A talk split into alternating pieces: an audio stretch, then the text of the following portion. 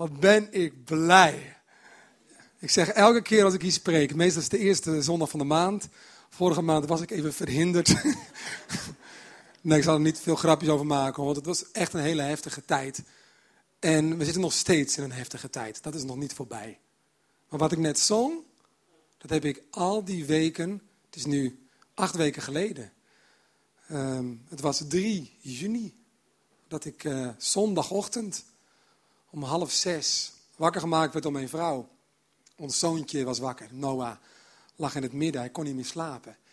En ik zei, nou, ik ga daar wel even met hem uit. En uh, hij zat in zijn handjes te klappen, ik keek naar hem. En uh, Suzanne draaide zich weer om en ik zou eruit gaan met Noah.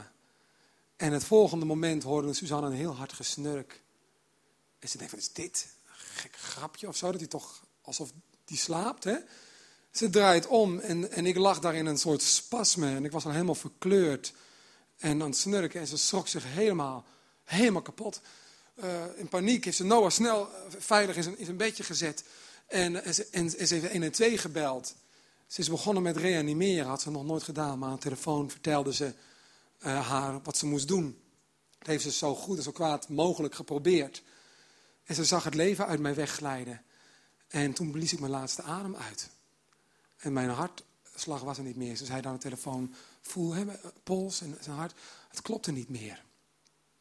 Een uh, groot wonder was dat op twee minuten afstand politie aan het werk was. En binnen twee minuten nadat ik mijn adem uitblies, was de politie daar. En die namen het reanimeren over. En binnen tien minuten was de ambulance en zo zijn ze met schokken. Nou ja, je kent het wel, je kent het uit films. Of misschien um, heb je het een keer mee moeten maken, dat je het gezien hebt. Dat ze iemand hebben geprobeerd of te reanimeren met van die stromen stoten. Nou, de eerste keer geen reactie. De tweede keer geen reactie. Susanne stond erbij. En ik was helemaal... Nou ja, ik zag er dood uit. Ik was niet meer Martin, zeg maar, zoals ze mij kenden. En toen zei een van die ambulancebroeders, we zijn hem kwijt. Nog één keer. Boom. En toen was er een zwakke, een zwakke hartslag. Als een uh, nou, malle naar het ziekenhuis. Daar was ik uh, langzaamaan op de IC, werd ik weer een beetje stabiel. En uh, nou, mijn vrouw werd al voorbereid van, we weten niet of hij eruit komt, hoe hij eruit komt. Ze hield hem in een coma. En net toen mijn vrouw bij me mocht, kreeg je nog een tweede hartritmestoornis. En die eindigde weer in een, in een heftigheid. Dus net toen ze bij mijn bed stond, begon ik weer te shaken en te schokken. En te doen. Ze werd weer weggebracht. En nou, IC-personeel erbij en weer tot rust brengen, weer met schokken. En uiteindelijk lag ik daar. Daarna zeiden ze tegen Suzanne, um, dat u nog leeft nu is een groot wonder. Um, de percentages weet ik niet precies, maar iets van 90% was al niet zo ver gekomen. Maar als die wakker wordt, weten we nog niet dan moet je echt wel zeker rekening gaan houden met uh, ja, een, andere man. Die, misschien heb je dat ook in je omgeving gezien, gehoord, mee moeten maken. Misschien heeft hij hersenbeschadiging, misschien uh, moet hij alles weer leren, enzovoort, enzovoort. Na een uh, anderhalve angstige dag zei Suzanne, ze stond bij mijn bed. En dan zei ze, ik heb het gevoel dat hij terugkomt. En een kwartier later deed ik mijn ogen open. En ik wist niet waar ik was. Net als dat meisje in de film. En ik, ik kon niet praten, want er zat iets in mijn keel. De beademingsbuis. En ik, was een beetje in paniek. Ik keek om me heen. En Susanne zei, rustig lieverd. Je bent in het ziekenhuis. Hebt een hartstilstand gehad. nou, weer zusters erbij. Nee, nee ik, ik, maar ik schrok erg. En uh, na verloop van tijd zag ze aan mijn ogen dat ik het begreep. En... Uh, een paar minuten later keek ik weer verwilderd omheen. Wat is hier aan de hand? Hij zei, lieverd, rustig, je bent in het ziekenhuis. Ze moest het keer op keer vertellen. Mijn korte termijn geheugen was echt. Misschien komt dat ook bekend voor voor sommigen. Nou, en zo hebben we een heftige tijd gehad. Die begon heftig. Ze wisten niet waardoor het kwam. En ik heb een maand in het ziekenhuis ongeveer uh, doorgebracht. Vier weken. Het was een week voor de Eeuwjongerendag. Dan mocht ik spreken. Ik had er zoveel zin in. Ik had het voorbereid. Ik had een preek op papier. Veel vergaderingen gehad. Veel voor gebeden.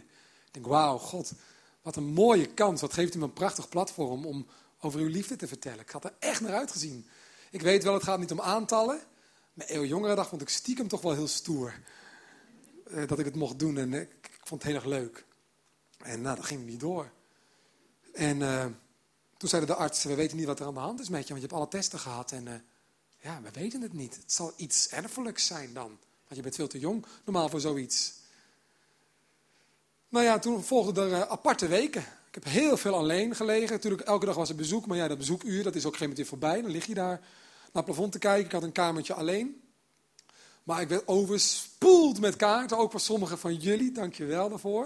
Ik heb alle muren ermee behangen. Toen had ik nog heel veel kaarten over. Dus de zusters die keken hun ogen uit van... Uh, moeten we jou ergens van kennen? ik zei, nee, nee, dat moet niet. Ja, zijn andere... Hij, hij is christen, hij is gospelzanger. Gaan we op YouTube samen kijken. Dat is goed. Zij ze in de pauze zijn ze gaan kijken. Um, dus, maar ik lag wel veel alleen. En dat zijn uh, momenten dat je veel nadenkt. En er waren mensen die mij mailtjes gingen sturen. Sommigen wisten precies waarom ik het had. Die hartstilstand. Ik kreeg een, een, een, een mail van iemand die zegt... Martin, God heeft je dit gegeven. En die, die meid in het filmpje net, een jonge dame, ik bedoel het niet onaardig. Die zei, uh, ik ben dankbaar voor mijn ongeluk. Want misschien heeft God het wel gebruikt hè, in mijn leven. Dat krijg ik nu nog niet over mijn lippen, over mijn hartstilstand moet ik zeggen. En ik geloof ook niet dat God hartstilstanden en ongelukken uitdeelt. Dat, is zo, dat, dat, dat kan ik niet rijmen met een, vader. Ik geloof wel dat dingen gebeuren. En dat God die ten goede kan keren en gebruiken. Maar ik kreeg een mailtje van iemand die zei... Martin, je hebt het gekregen van God. Want hij wil je hier iets mee leren. Je bent stilgezet. Zo. Ik dacht, die is niet goed bij zijn hoofd. Ik kreeg nog een mailtje. Dat was, die ging nog een schepje bovenop. God straft de kinderen waarvan hij houdt. Nou, boos op God ben ik niet geweest, maar ik heb wel even geslikt over deze, deze reactie. En zo kreeg ik een heel stapeltje mensen die mij brieven stuurden en mailtjes met verklaringen. Want ze hadden allemaal een, een, soort theologie geleerd in hun kerk. Ja, en die kwam eruit geplopt nu iemand zeg maar, iets meemaakte. Uh, een ander zei van, uh, ja, dit is een aanval van de Satan geweest. Omdat je naar de jongerendag ging om te spreken, heeft de duivel je uh, neergehaald. En kon God je niet beschermen. En zo, en zo waren er allerlei theorieën. En ik kan me voorstellen dat je in een tijd die heftig is, boos kan worden. Op de volgelingen van God. Want dan maken we er een potje van met onze opmerkingen als er soms geleden wordt. Waarschijnlijk hebben jullie het ook wel eens een keer mee te maken gehad. Dat je iets naars overkomt en dat een christen dan net het verkeerde zegt. Ja? Of niet? Dan hebben jullie echt heel veel... God je echt beschermd. Daar ben je nog niet klaar voor. Dan gaat het misschien nog een keer gebeuren. Maar ze zijn er. Toen ik op Facebook iets zette over een reactie die ik had gehad, die ik niet begreep, kreeg ik allemaal voorbeelden van mensen die, die ook van christenen dingen hadden gehoord die echt wonderlijk zijn. Uh, een, een, een, uh, een, een, een, echtpaar dat een gehandicapt kindje kreeg. Ik weet dat hier in de gemeente ook dingen hebben gespeeld dat een kindje heel kort heeft geleefd. dit echtpaar maakte het ook mee. Maar kregen een brief uit de gemeente of er misschien eens onbeleden zonden waren. Wat kan je? Ik kan me voorstellen dat je nooit meer naar die gemeente gaat. En dat je nog het liefst in de fik zou steken ook. Die boosheid kan ik begrijpen. Niet dat je, dat je het doet, hoop ik. Ja? Als jij boos bent, ga niet een kerk in de fik steken. Nee, dat is niet goed om te doen.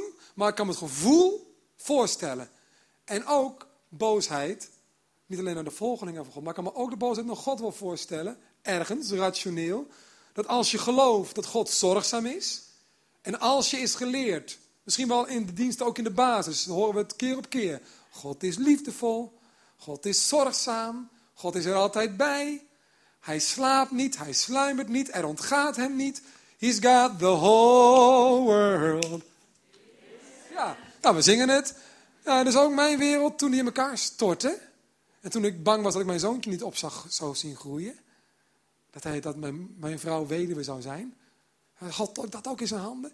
Ik kan me voorstellen als je hebt geleerd dat God goed en zorgzaam en beschermend is. Als ik ook graag Noah, mijn zoon, het liefste voor alles zou behoeden. Hè? Kan ik niet, ik zou het wel graag willen.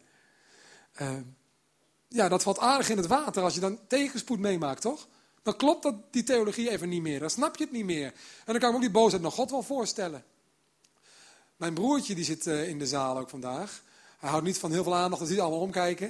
Ik had het ook nooit moeten zeggen, sorry René. Met je blauwe overhemd daar. Maar, knappe kerel. Je herkent hem zo, dat mijn broer. Arrogantie heeft God nog niet genezen. Dat gaat nog gebeuren misschien. Bij mij, bij mij, bij mij, hè? Bij mij. Um, um, maar um, René en ik, kennen onze vader natuurlijk hartstikke goed. En mijn vader, die was wel een beetje boos op God. En ik kan me zijn gevoel ook wel voorstellen. Mijn vader is niet een kerkganger. Ik heb wel eens iets over hem verteld. Hij was heel zorgzaam en heel liefdevol, altijd geweest. En hij zag mij zo gaan. En hij was ook stiekem wel een beetje trots op de dingen die ik uh, de afgelopen jaren deed. Weet je wel, zoals een vader trots is op zijn zoon. Uh, het is dat hoop je dan, hè, dat je vader trots op je is. En um, hij snapte er niks van. De dominee van ons dorpje waar ik opgegroeid ben, kwam bij mijn vader en moeder op bezoek om eens te vragen hoe het nu ging naar alles wat er gebeurd was. Zorgzame dominee. Ook al gaan mijn ouders niet naar die kerk, die dominee had af en toe uh, toch eens even een lijntje open. En hij kwam langs en hij zei, hoe gaat het nu met jullie? Toen heeft papa gezegd, nou, als God er is, dan, dan, dan snap ik niks meer van hem. Dan ben ik wel, nou, dan ben ik gewoon boos. Ja, zei de dominee, ik begrijp wel dat je boos kunt zijn op God. Dat zijn heel veel mensen. Ja, ik bedoel, Martin doet zijn best om dan te spreken en te zingen. En uh, God, God, God, de hele dag God, God, overal. Waarom dan op zijn tweeën, dat is zoiets vlak voor de jongen, dat ben toch... Dat, of hij was er even niet, of hij is er helemaal nooit geweest. Of ik ben gewoon boos op hem. Hij heeft hem gewoon laten vallen, letterlijk en figuurlijk. Ja, ik kan me dat wel voorstellen. En nu, hoe ik het zelf heb ervaren. En wat ik in de Bijbel heb gevonden in die tijd dat ik het ja, ook wel spannend vond. Gewoon letterlijk. En dat mijn leven niet meer zeker was. Ook letterlijk. Dat ik het best spannend vond om te gaan slapen s'nachts. Omdat ik niet wist of ik weer iets zou krijgen. Dat ik constant naar de hartmonitor keek. Die naast me stond. Naar die piepjes. Oeh, het gaat nu wel sneller. Oh, ik ga even stil liggen. Oh nee, nu gaat hij weer rustig. Oké. Ja, nu is hij weer sneller. Um, die onzekerheid, dat heb ik echt wel gehad. En als dan Noah bij me was. Ja, dat waren momenten dat ik, dat ik heel lastig vond.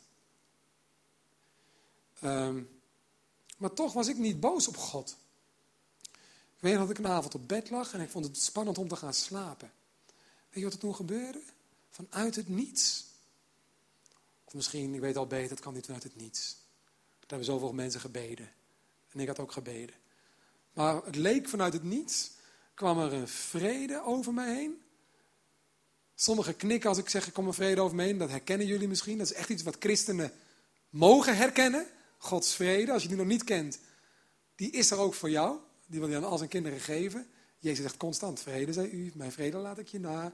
Vrede zij u, wees niet bang, wees niet bevreesd. Vrede zij u. Er kwam een vrede ineens in dat ziekenhuisbed over me heen. Ik werd helemaal rustig.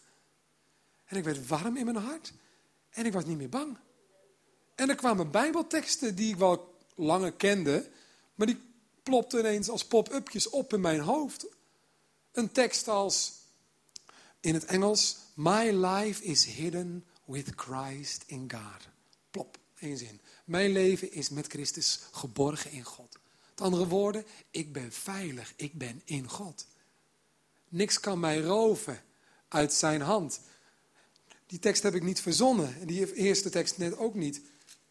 In Romeinen 8 schrijft Paulus en Paulus schrijft het niet makkelijk. Paulus schrijft vanuit een leven van heel veel lijden. Paulus heeft schipbreuk geleden. Paulus is doodziek geweest. Is gestenigd. Is geslagen.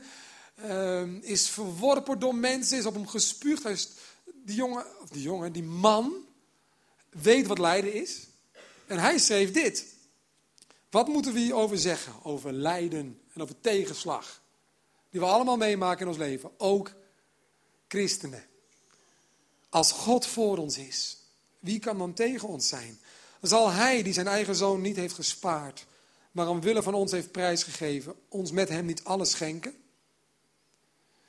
En dan later in Romeinen 8, en dat kwam ook in het ziekenhuisbed bij mij boven, maar niet alleen in mijn hoofd, het zakte ook naar mijn hart.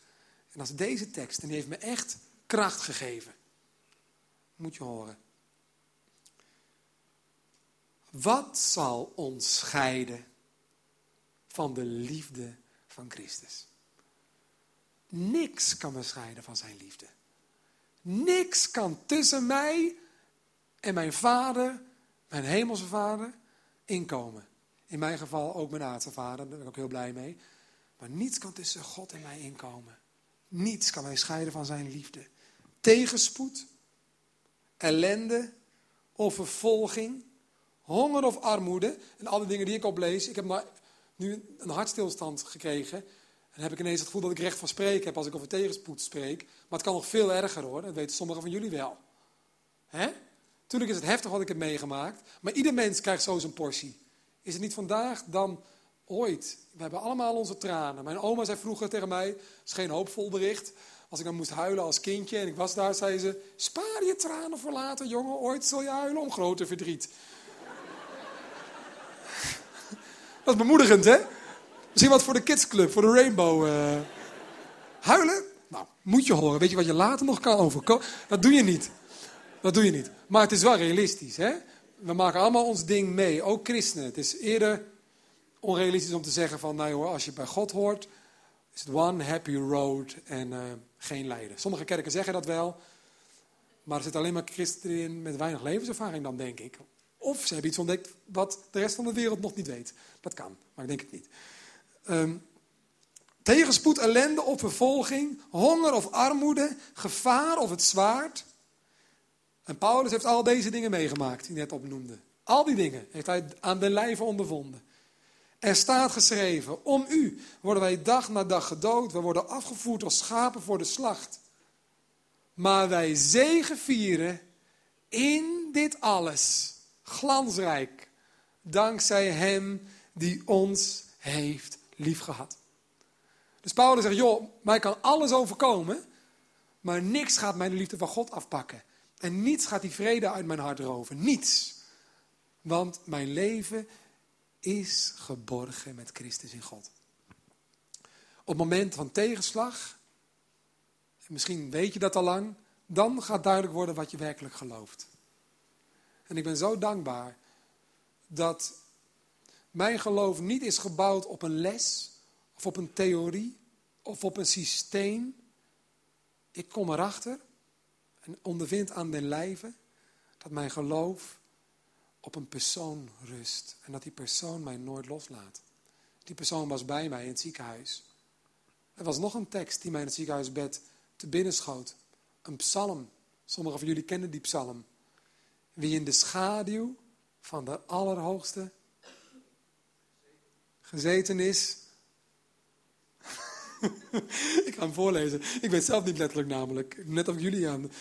Wie in de beschutting, Psalm 91. Wie in de beschutting van de Allerhoogste woont en overnacht in de schaduw van de onzagwekkende, die zegt tegen de Heer, mijn toevlucht, mijn vesting, mijn God, ik schuil op u. Ik vertrouw op u. En zo waren de teksten die als een soort, ja, ja, hoe moet ik het zeggen? Als een soort kalm beekje mijn hart binnenkwamen. Ja, en mij tot rust brachten. De Heer is mijn herder, mij ontbreekt niets. Hij laat mij rusten aan kalme water. Hij, brengt mij op plekken waar het goed is. Hij is bij mij, ook nu. En ik werd rustig.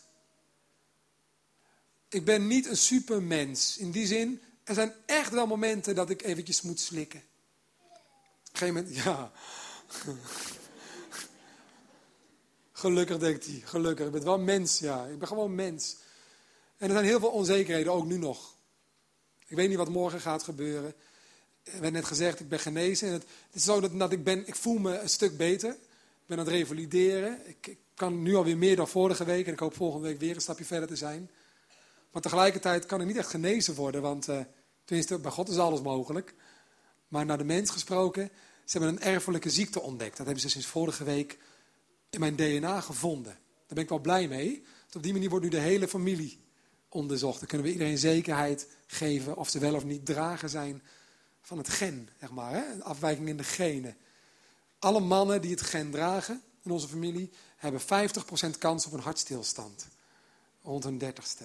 En als je hem eenmaal hebt gehad, is de kans heel groot, het percentage niet precies, maar echt eh, sky high, dat je hem één keer in de zoveel tijd uh, een keer krijgt, zeg maar. En daarom heb ik een ICD gekregen. Dat is zo'n kastje die een stroomstoot geeft als ik een hartritmestoornis zou hebben. Dat maakt onzeker. Zeker voor mijn vrouw moet je nagaan dat je gaat slapen en dat je zegt tot morgen. En dat zij denkt, nou ja, misschien, het kan vannacht gebeuren. Ga ik het weer zien? Gaat hij weer snurken? Boem, krijgt hij, maar nu krijgt hij een schok, zeg maar. Heftig, dat maakt angstig. Maar in dat alles, in dat menselijke, voel ik, ervaar ik dat Hij er is. En dat is vrede van God die het verstand te boven gaat. En dat is alle verschil. Mensen die afvallen van hun geloof in tegenspoed, die missen ehm, de hulp die God ze zo graag zou willen geven in die situatie. Want juist als het moeilijk is, dan is daar die schuilplaats en is daar die hulp. En het verschil maakt of je geloof een lesje is, of iets wat je zelf inprent, of dat hij daadwerkelijk in je hart woont. Kun je één tekst voorlezen nog? Uit handelingen. En ik kon het nooit begrijpen, maar nu begin ik een klein beetje te begrijpen, al kan ik niet in de schaduw staan van wat deze mannen hier meemaken. En wil ik dat ook niet, eerlijk gezegd. Lijden is niet iets wat we moeten zoeken. God zegt, geniet van de dag die je krijgt. Dit is de dag die de Heer ons geeft. Wees daarom blij. En zing verheugd. Geniet van het leven, dat zegt God. Niet zoek het lijden op of wees bang. Nee, vrede. Ja? Het is geen zware ochtend, hoop ik vanochtend. Het is een positieve boodschap. Wees blij. Alsjeblieft. Ehm, in handelingen staan allemaal zendingsreizen beschreven. Reizen die Paulus onder andere maakte, Petrus, Silas, Barnabas, om het geloof in Jezus te verspreiden. Ja? En dan gebeurt er iets, en dat is, uh, even kijken, in Filippi, daar, uh, zijn op een gegeven moment Paulus en Silas. En wat daar gebeurt, er gebeurt een, een wonder. Uh, er wordt een geest uitgedreven, nou heftige toestanden gebeuren daar. En Jezus' naam wordt bekendgemaakt. En Jezus doet wonderen door deze mannen heen. Maar wat gebeurt er? Dit. Uh, de mensen die willen Paulus en Silas niet meer. Ze pakken ze vast en ze sleuren ze naar een marktplein. Deze twee mannen die met de beste bedoelingen over Jezus kwamen vertellen, werden gegrepen. En naar een marktplein gesleurd. Maak het filmpje even in je hoofd als je wil. Um, waar ze hen voorleiden aan de stadsbestuurders, de bazen, de lokale bazen. Ze zeiden, deze mensen brengen onze stad in rep en roer. Het zijn Joden die een levenswijze verkondigen, waarmee wij als Romeinen niet mogen instemmen en die we niet in praktijk mogen brengen. En ook de verzamelde menigte keerde zich tegen Paulus en Silas. Nou, toen ik uit het podium opkwam, waren jullie heel lief, kreeg ik een bemoedigend applaus, wat fijn, daar staat hij weer, wat bijzonder en zo. Allemaal vriendelijk te glimlachen en nou, ik denk, oh, ik heb er zin in, denk je dan. Wat Paulus en Silas hier meemaken, is ze staan voor een hele menigte die tegen ze is. Nou, ik, als ik nu naar jullie kijk, en ik zal me voorstellen dat jullie allemaal kwaad naar mij kijken en zeggen, weg met ze, dood ze, weet ik veel. Jo, je zou het in je broek doen. Zij maakt het mee. Ja? De hele menigte keerde ze tegen ze. Waarna de stadsbestuurders hun de kleren van het lijf lieten scheuren. Ja? Dat is Paulus die zei, niks kan mij scheiden van de liefde van Christus. Hè? Dat was die man. Zijn kleren werden van zijn lijf gescheurd. En, ze, en er werd een bevel gegeven. Straf ze met stokslagen. Dus op een blote lijf werden ze met, een, met stokken geslagen. Nadat ze een groot aantal slagen hadden gekregen, groot aantal stokslagen hadden gekregen, werden ze opgesloten in de gevangenis, waar de gevangenbewaarder opdracht kreeg hen streng te bewaken. Overeenkomstig het bevel bracht hij hen naar de binnenste kerker, donker, koud. Je lichaam doet zeer van alle slagen. Je, je kleren zijn kapot gescheurd. Je bent vernederd tot op het bot. Stond je in je blootje voor een menigte. Werd je in elkaar geslagen. En, je met een, en ze werden met hun voeten vastgezet in een blok. Dan kan ik me voorstellen dat je een cameraploeg uitnodigt. En dat je zegt, nou ik was dat evangeliseren. En God liet dit toe. Nu ben ik boos op God. Dit doe je, dit doe je toch je ergste vijand niet aan, laat staan je volgelingen. Hoe reageren deze mannen? Sommigen weten het, maar ik ga het toch voorlezen. Want sommigen weten het niet. Wie weet het niet, wat deze mannen doen?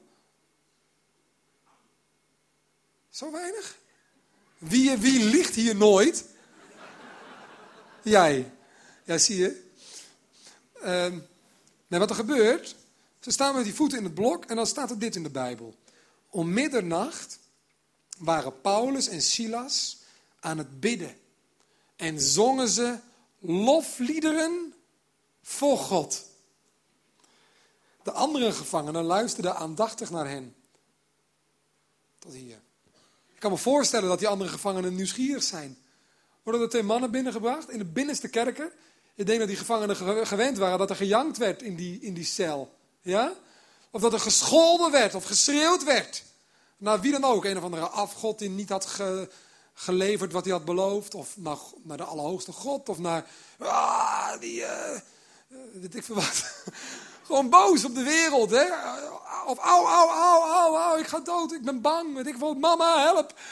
Ze waren van alles gewend, denk ik, uit die binnenste kerken te horen. Wat horen ze nu? Dan zingt mijn ziel, maar dan van toen, zeg maar, de liederen. Een loflied. Niet van, au, au, God, waar bent u nu, nu ben ik boos. Dat soort liederen schrijven we nu. Dat mag, zeggen we, dat mag, je mag boos zijn. Maar zij zongen dat lied niet. Zij zongen, dank u, Heer, voor wie u bent. Dank u dat u bij ons bent. En dan gebeurt er een wonder, er komt een aardbeving, de celdeuren gaan open. Maar daarvoor nog luisterden alle andere gevangenen aandachtig. Waarom? Dit was een onlogisch lied vanaf die plek waar zij waren. En die vrede die ik in mijn hart heb gevoeld, was ook onlogisch. Op een gegeven moment kwam er een uh, maatschappelijk werker bij mijn bed in het ziekenhuis.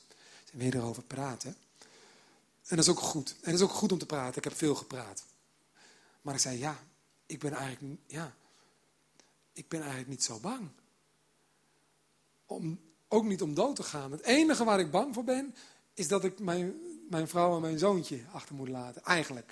Ik dacht zelf niet meer zo aan werk na verloop van tijd. De eerste twee, drie dagen, weet René ook nog wel, zat ik met mijn laptop alsnog mailtjes te sturen naar de jongere dag. En ik kan wel een filmpje maken vanuit mijn ziekenhuisbed. En Suzanne zei, ben je gek geworden? Ik zei, ja, maar ik moet toch, ik heb verantwoordelijkheden. Maar na een paar dagen appte dat weg en kon ik eindelijk rusten. En was ik alleen nog maar bang om hen te verliezen. Of in ieder geval dat ik ze los moest laten. Daar was ik bang voor. Maar voor mijn eigen leven was ik niet meer bang. En nog steeds niet. En er kwam een vrede dat wat er ook zou gebeuren, God zou er altijd bij zijn. En dat is nog steeds bij me. Dus ik ben niet bang. Ik heb het ook gezegd. Zeg ik geloof. En dat geldt misschien ook. En dat is, uh, dat is wonderlijk. En dat is niet iets voor, uh, de Corrie ten Booms van deze wereld alleen. Die een vrede van God krijgen in hele moeilijke situaties. Maar dat is voor ons allemaal weggelegd. Waarom? Omdat het in de Bijbel aangeboden wordt. Je hebt nu mijn getuigenis gehoord. En het verhaal gaat verder. Met pieken. En ik heb ook wel eens dalen. Soms geloof ik heel erg. En soms twijfel ik even. Ik ben gewoon een mens. Maar in alle situaties, op de berg of in het dal, mag ik Gods vrede en Gods nabijheid ervaren. Mijn vesting. En dat gun ik jou ook. Ik ben hier vandaag niet om je iets wijs te maken. Soms in gebed doen we dat, hè. We hadden een bidstond met elkaar. En dan merk ik als ik ga bidden dat ik soms halve preek aan het houden ben naar God. Ga ik God vertellen hoe hij is. Ken je dat? Of niet? Doe je dat nooit? Ja, je lacht me uit, maar uh, dat doen wel meer mensen. Kijk, dan, dan, dan is het... Uh, oh, sorry, dan ben je boos. Uh, maar dan iets van... van uh, God, want ik weet dat u altijd bij me bent. En we weten ook dat waar, waar, waar, we bij elkaar zijn in uw naam, dat bent u in het midden. En we weten ook, Heer, dat, dat u goed bent en zorgzaam, ook in deze situatie, Heer. En we, we snappen u niet, ik snap u ook niet. Maar u bent en dan kunnen we gewoon zeggen wat we geloven. En dat is ook goed. Niks mis mee. Maar dat is niet de vrede die Paulus had ehm, alleen. Het zijn niet alleen de lessen die je voor jezelf inprent. Het zijn niet alleen jezelf constant de verhalen voorhouden. Het is niet jezelf of anderen iets wijs maken. Van, hou dit vast. Onthoud het hè, in je hoofd. Onthoud het in je hoofd. God gaat met je mee. Hè. Niet vergeten, hè. onthoud het in je hoofd. Hè. Het mag dieper zakken. Gods geest wil het in ons hart levend maken. En er zijn momenten geweest dat ik geen woorden had en nog steeds niet heb. In onze, onze vriendenkring hebben we onlangs ook iemand moeten begraven. Van 32 jaar, net zoals ik ben. Onze vrouwen zaten bij elkaar op de zwangerschapsschiem. Ook daar is een kindje van zo'n beetje één jaar oud een dochter. Een paar weken later geboren dan Noah. Ja. Dan zat ik ook met mijn mond vol tanden. Wat een wonder, Martin, je leeft nog. God heeft een wonder gedaan. En ik voelde me haast schuldig, omdat ik wist, ja maar, ik ken iemand die ook zo'n goede vader voor zijn kindje wilde zijn, maar die krijgt kans niet. God, ik snap het niet. Die vragen zijn er. Maar in de vragen is er ook een stil hart dat zegt, ik snap het niet, maar God is er. Hij is er. En de Bijbel zegt, in dit leven zal er soms tegenslag zijn, maar er komt een dag dat God zal zelf alle tranen van onze ogen afwissen. En tot die dag, dat het lijden voorbij zal zijn, wil God ons troosten in elke situatie. Op de berg en in het dal. Tot slot, het liedje waarmee ik begon. It is well with my soul. Het is een hymne, een, een oud lied. Het is geschreven zo'n beetje in rond 1870 of zo. Ja, ik weet ook door wie. Dat heb ik gegoogeld. Um, Spatford, volgens mij. Spitspat. Spatford, ja, Spatford. was een advocaat, een christenman. En die schreef, it is well with my soul. Weet je wat de achtergrond was van het lied? Ik durf niet te vragen wie het wel weet, want jullie weten alles, hè? Heb ik, uh... Nee, dit niet. Oké. Uh, die Spatford was een, een bemiddelde man. Hij had verschillende huizen, had een groot gezin, verschillende dochters, een mooie vrouw. Het ging hem in zijn zaken goed, aanzien, advocaat en zo. Een uh, notabel iemand, zeg maar. Hè?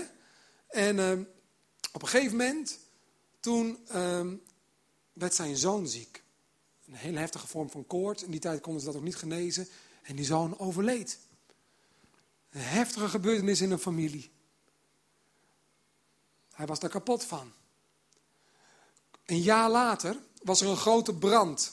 Al zijn real estate, al zijn huizen, al zijn bezit, raakte die kwijt aan die brand. Zoon kwijt, bezittingen kwijt. Toen waren ze helemaal lam geslagen als gezin. Ze moesten even op vakantie, ze moesten even weg, ze zouden naar Engeland gaan.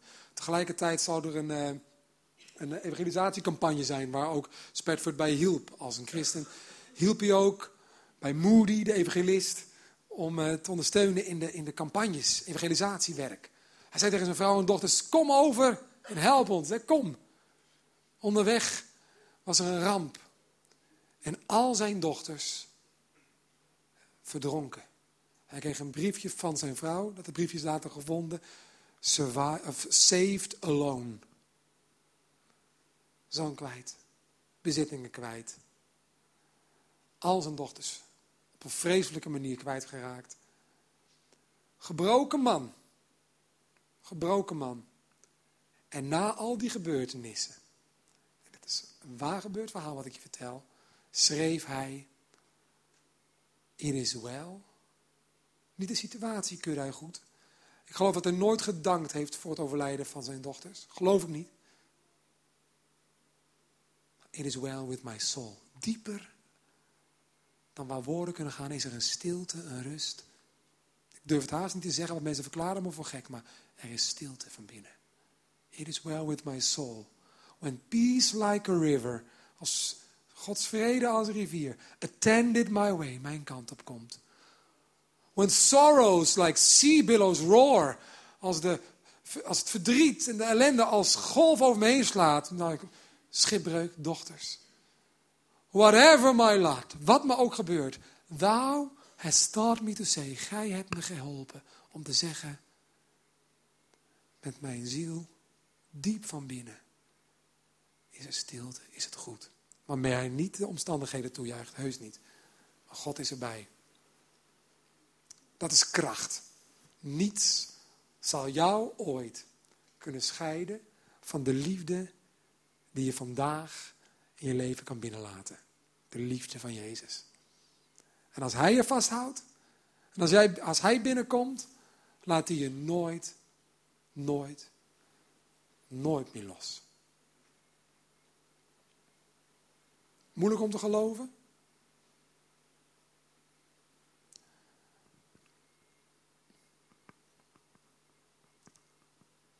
Ik wil graag straks met jullie bidden. dan gaan we gewoon stil worden. En weet je wat mijn hoop is? Dat we weg mogen gaan straks uit dit gebouw naar de koffie. Als mensen die ergens van binnen een soort kracht hebben, een hoop hebben van whatever comes my way. Ik word vastgehouden. Ik hoef niet eens zelf vast te houden. Ik word vastgehouden. Vrede die het verstand te boven gaat. Waar je haast niet over durft te praten. Omdat anderen je niet begrijpen. Want ze denken dat je blij bent met de situatie. Dat is niet zo. Er is vrede. Dat gun ik iedereen. Wat nog veel belangrijker is, God gunt het ons en heeft het voor ons. Zullen we stil worden? En uh, je mag meebidden. En niks moet hè, hier in de basis, dat is wel fijn nieuws voor mensen die niet willen bidden. Maar laat ons dan voor elkaar en voor jou en ook voor onszelf bidden.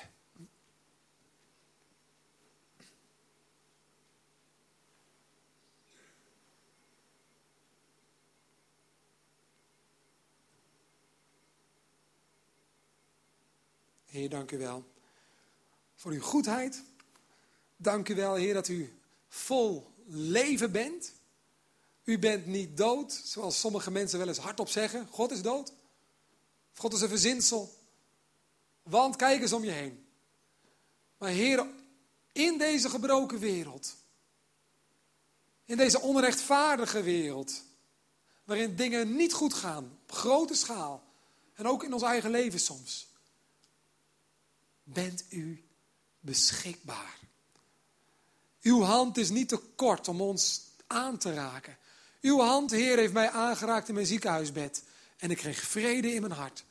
Met alle openstaande vragen die er nog zijn. Ook naar de toekomst toe. Er is een rust die niemand af kan pakken. Dat is mijn kracht. U bent mijn kracht. En die is door niemand te roven. Verzamel geen schatten in de hemel. Verzamel schatten. Verzamel geen schat op aarde. Verzamel schat in de hemel. Ja, zo was het. Heer, dank u wel.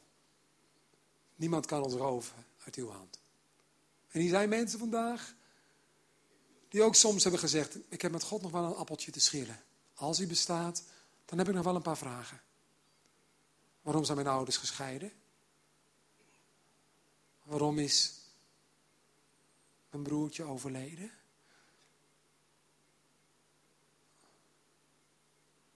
Waarom hadden wij zo weinig geld vroeger? Of nog steeds? Waarom kan ik maar geen werk vinden? Waarom ben ik zo onzeker over de toekomst? Waarom kunnen we gewoon geen plannen maken omdat we zo onzeker zijn over wat we kunnen? Waarom ben ik ziek? Waarom ben ik zo zwak? Waarom heb ik niet zo'n liefdevol begin gehad als sommige anderen? En zo kunnen we vragen hebben, Heer. Die heeft ieder mens. Voor deze mensen bid ik, Heer, dat ze met al hun vragen toch open zullen staan voor uw liefde. En de liefde zullen ervaren, die zo groot is, dat we zelfs met vragen kunnen leven. De wereld snapt er geen klap van, Heer. Dat was vroeger zo en dat is nog zo. Want u bent niet veranderd. En uw vrede gaat nog steeds verstand te boven. Open je hart voor Hem. Loop niet langer weg. Verzin geen excuses. Maak God niet zwart. Maar kom, ga op je knieën. Open je hart voor Hem. En je zult zien, God is een schuilplaats. Ook voor jou. In Jezus' naam. Amen. Amen. Ja, ik wilde heel graag vrolijk afsluiten. Volgende week is het thema geniet van het leven. Dat is echt zo. Ehm, dit is de dag die de Heer ons geeft, is opnieuw voor me gaan leven, kan ik je wel vertellen. Het allereerste liedje dat ik schreef zo'n beetje was, vandaag wil ik gaan voor u en voor de mensen om me heen. En ik zal ervan genieten dat ik leef. Het is ook makkelijker om prioriteiten te stellen, merk ik na, het stil, na hartstilstand. Sommige dingen zeg ik makkelijker nee tegen nu. En tegen andere dingen zeg ik met meer overtuiging ja. Dus ik ga straks lekker naar huis. En ik ga heerlijk in de tuin zitten. We hebben plantjes geplant. Gaan we lekker even naar de bloemetjes kijken. Misschien gewoon nog even in, het zwembadje zitten als het warm genoeg is. Ehm, anders niet. Gisteren heb ik in de regen bij mijn vuurkorf gezeten. Ik wilde gewoon een vuurtje maken. geniet van het leven. De Bijbel zegt, in al het lijden dat er is. En geniet van de dag die God je geeft. Draag een vrolijke kleur. Lekker luchtje. Drink een goed glas wijn. Geniet van het leven met de mensen die je lief zijn. Daar gaan we het volgende week verder over hebben. Um, voor nu, kom lekker muziekteam alsjeblieft. Dan gaan wij afsluiten met een heel gaaf nummer. Ik heb het al gezien. Jullie ook in je boekje misschien. Oh, we zingen eerst nog... Oh, oh ja. Die is wat... Die is, ik zeg gewoon niks meer. We gaan lekker zingen. Ik maak het alleen maar erger per zin, denk ik.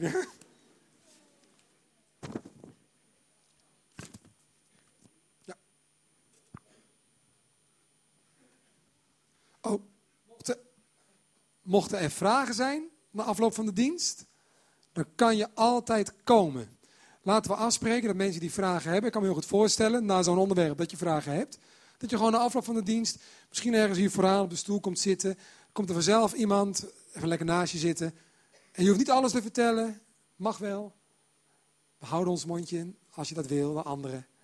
We bidden voor je als je dat wil. We luisteren. We hebben geen antwoorden, altijd.